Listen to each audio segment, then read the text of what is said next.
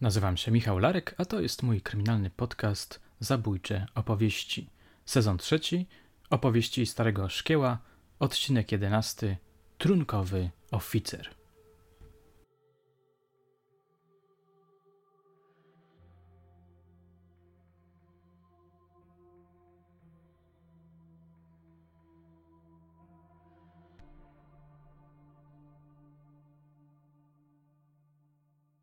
Oni cały czas piją. Taki komentarz na temat bohaterów chirurga znalazłem w sieci parę dni temu. Oczywiście jest to wielka przesada. Moi oficerowie przede wszystkim prowadzą pracowicie śledztwo, ale muszę przyznać, że te moje kryminalne książki mocno są podlane alkoholem i to tym mocniejszym, bo wódką. Dlaczego? Ktoś powie, że zapewne dlatego, iż sam autor uwielbia gorzałe. No cóż, nie. Nie przepadam z alkoholem, przynajmniej w takich intensywnych ilościach, wolę czekoladę. To zatem błędny trop, więc skąd ta wódka? Z rzeczywistości rzecz jasna. Z rzeczywistości milicyjnej, PRL-owskiej. Zależało mi na tym, żeby ten specyficzny aspekt owego świata, czasami zabawny, czasami dość mroczny, został zaakcentowany w imię realizmu chociażby. Rozmawiałem kiedyś z emerytowanym oficerem, który jako komendant albo naczelnik musiał zwolnić sporą grupę funkcjonariuszy byli niereformowalnymi ochlejusami. Teraz, kiedy do Was mówię, mam przed sobą zapiski kapitana Czechanowskiego poświęcone alkoholizmowi, który stanowił w minionej epoce duży problem w służbie milicyjnej. Zadzwoniłem do niego wczoraj. Mówiłem, że chciałbym zrobić taki alkoholowy, pijacki odcinek. Obiecał, że przy okazji podrzuci mi kolejne anegdotki na ten temat. Mam ich trochę jeszcze, oznajmił, a potem dodał: To wynikało z obyczajowości tamtych milicjantów którzy często zaczynali pracę jeszcze w latach 40. czy 50. Wtedy na porządku dziennym było na przykład to, że na początek czy na koniec roboty pije się kielicha. Zatem, drogie czytelniczki, drodzy czytelnicy, alkohol w tamtych czasach był oczywistością. Dlatego, jak ktoś napisał ze złośliwą chyba jednak intencją, również na temat chirurga, chleje tam cała obsada milicji. Oczywiście nie cała, ale mało w niej abstynentów to fakt. Wynika to, jak mówię, z realiów tamtych specyficznych czasów. Chciałem, żeby moje czytelniczki i czytelnicy poczuli go, powąchali. Moje drogie, moi drodzy, dzisiejszy odcinek, wystukany przez kapitana na maszynie do pisania, dotyczył będzie pijaństwa w szeregach milicji. Mam nadzieję, że Wam się spodoba ten podcast. I jeszcze jedna rzecz. Po pijackich opowieściach powiem słówko o wspomnianym kapitanie. Ostatnio często zapytujecie mnie o niego w wiadomościach prywatnych. Chciałbym udzielić Wam odpowiedzi na to nurtujące Was pytanie. Posłuchajcie, zostańcie ze mną. Oto obyczajowa odsłona opowieści Starego Szkieła.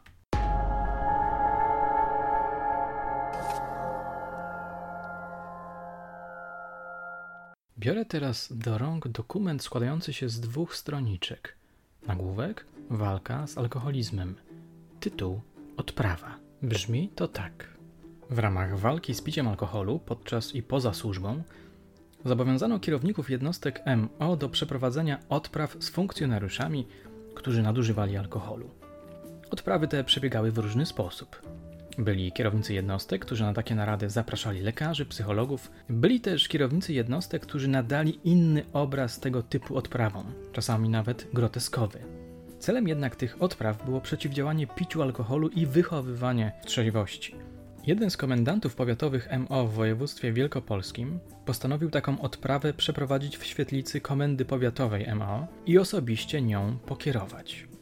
Zarządzeniem wewnętrznym zobowiązał kierowników ogniw służbowych, wydziałów, sekcji, komisariatów i posterunków do wytypowania i skierowania na tę odprawę funkcjonariuszy, którzy nadużywali alkoholu albo o których mówiło się, że nadużywają alkoholu.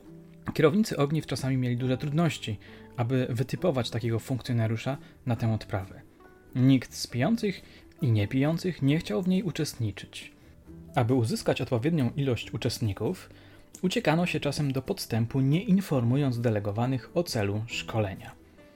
Było tak, że na odprawę pojechali funkcjonariusze nadużywający alkoholu, i osoby złapane przypadkowo, które potwierdziły swoją obecność na liście. Był wśród nich bardzo zasłużony, niepijący Józef S., funkcjonariusz z Wydziału Kryminalnego Jednostki, człowiek bardzo zdyscyplinowany i pracowity. Podpisał listę obecności, nie zapoznając się z treścią odprawy.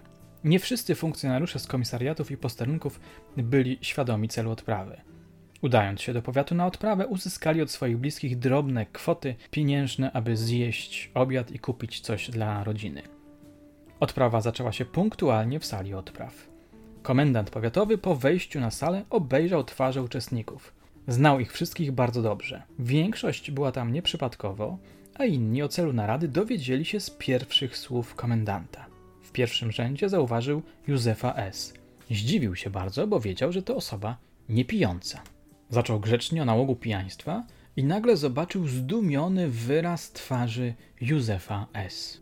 Ten wywołany z nazwiska zerwał się z krzesła i stwierdził, że on nie pije, a znalazł się tutaj, bo tak kazał mu naczelnik wydziału i podpisał w tej sprawie jakieś pismo. Nie czytał jego treści. Na sali wybuchła wrzawa i ogólna wesołość. Józef S. zorientował się, że został wrobiony na tę odprawę przez pijących kolegów z wydziału. Bardzo się zdenerwował, wyszedł z sali odpraw, wołając, że zabije naczelnika i kierownika, którzy go tam wysłali. Odprawa została przerwana. Zastępca komendanta udał się w ślad za Józefem S., zatrzymał go u siebie w gabinecie, aż ten ochłonie. Kierownictwo wydziału opuściło budynek komendy, aby nie narazić się na gniew kolegi. Po kilku dniach, gdy opadły emocje i włączył się do niej komendant powiatowy, sprawa została zakończona. Ciekawostka, po zakończeniu odprawy uczestnicy udali się na obiad do kasyna milicyjnego.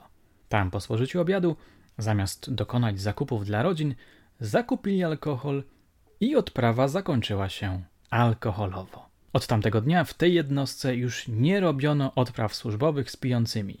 Indywidualnymi przypadkami zajmowali się kierownicy Wydziału Kadr. Cudowna anegdota, prawda? Jak widzimy, alkohol stanowił wtedy coś w rodzaju przeznaczenia. Nie można było od niego uciec. Odprawa antyalkoholowa spuentowana została ostrą popijawą. Życie.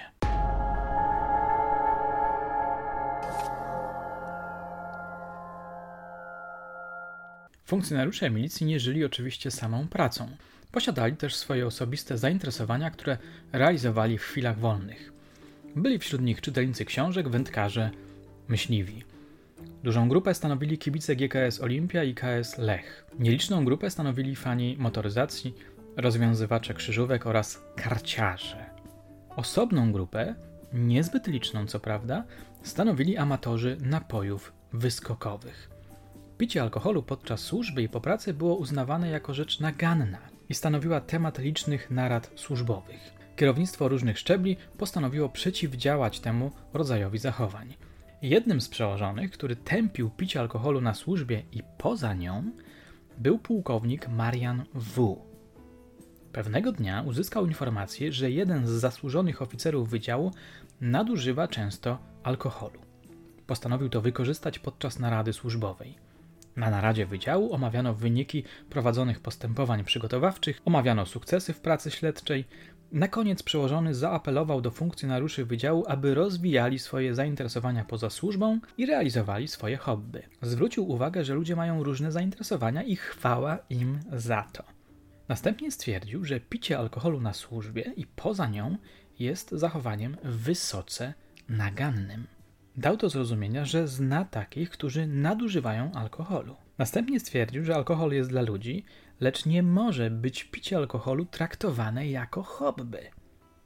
W tym miejscu zwrócił się do jednego z zasłużonych oficerów i stwierdził: Towarzyszu, picie alkoholu to nie jest hobby. Te słowa wywołały śmiech uczestników narady. Wskazany oficer mocno się obraził na kolegów i stwierdził, że nie będzie już pił alkoholu w ich towarzystwie. Ta puenta też robi wrażenie, prawda? Oficer obraził się i zapewne kontynuował nadużywanie alkoholu w innym towarzystwie, albo zamknął się w sobie i pił dalej sam. A tak na poważnie, zachodzę w głowę, czy wierchuszka milicji naprawdę sądziła, że takie prostackie sposoby mogły skutecznie przeciwdziałać alkoholizmowi wśród pracowników.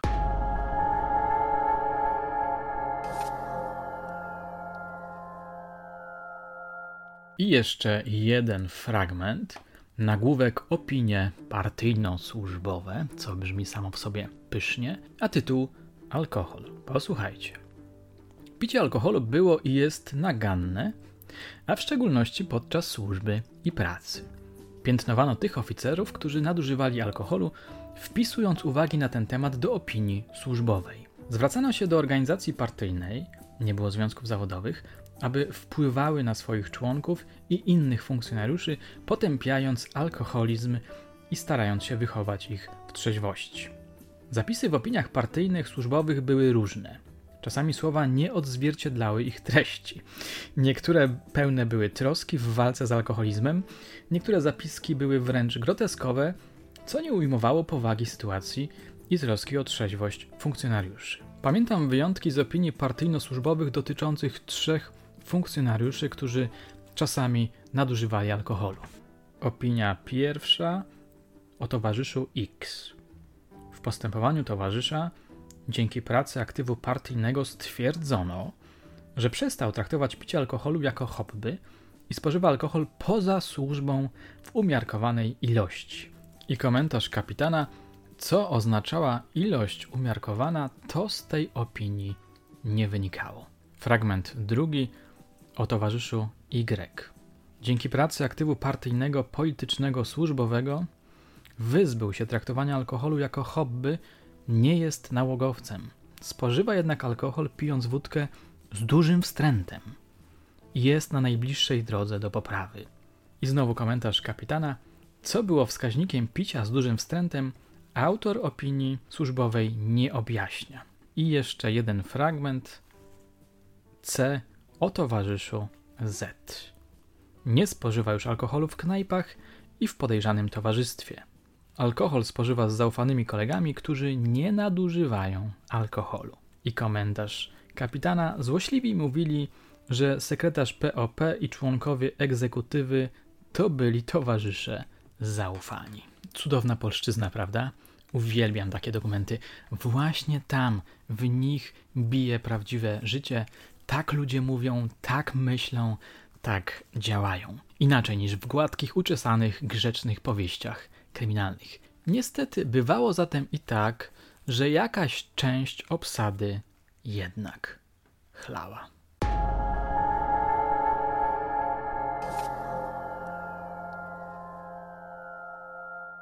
Na koniec wracam do pytania o kapitana Czechanowskiego. W odcinku zatytułowanym Pociąg z Rosji sygnalizowałem, że skończyły się zapasy z historiami kapitana Michała Czechanowskiego.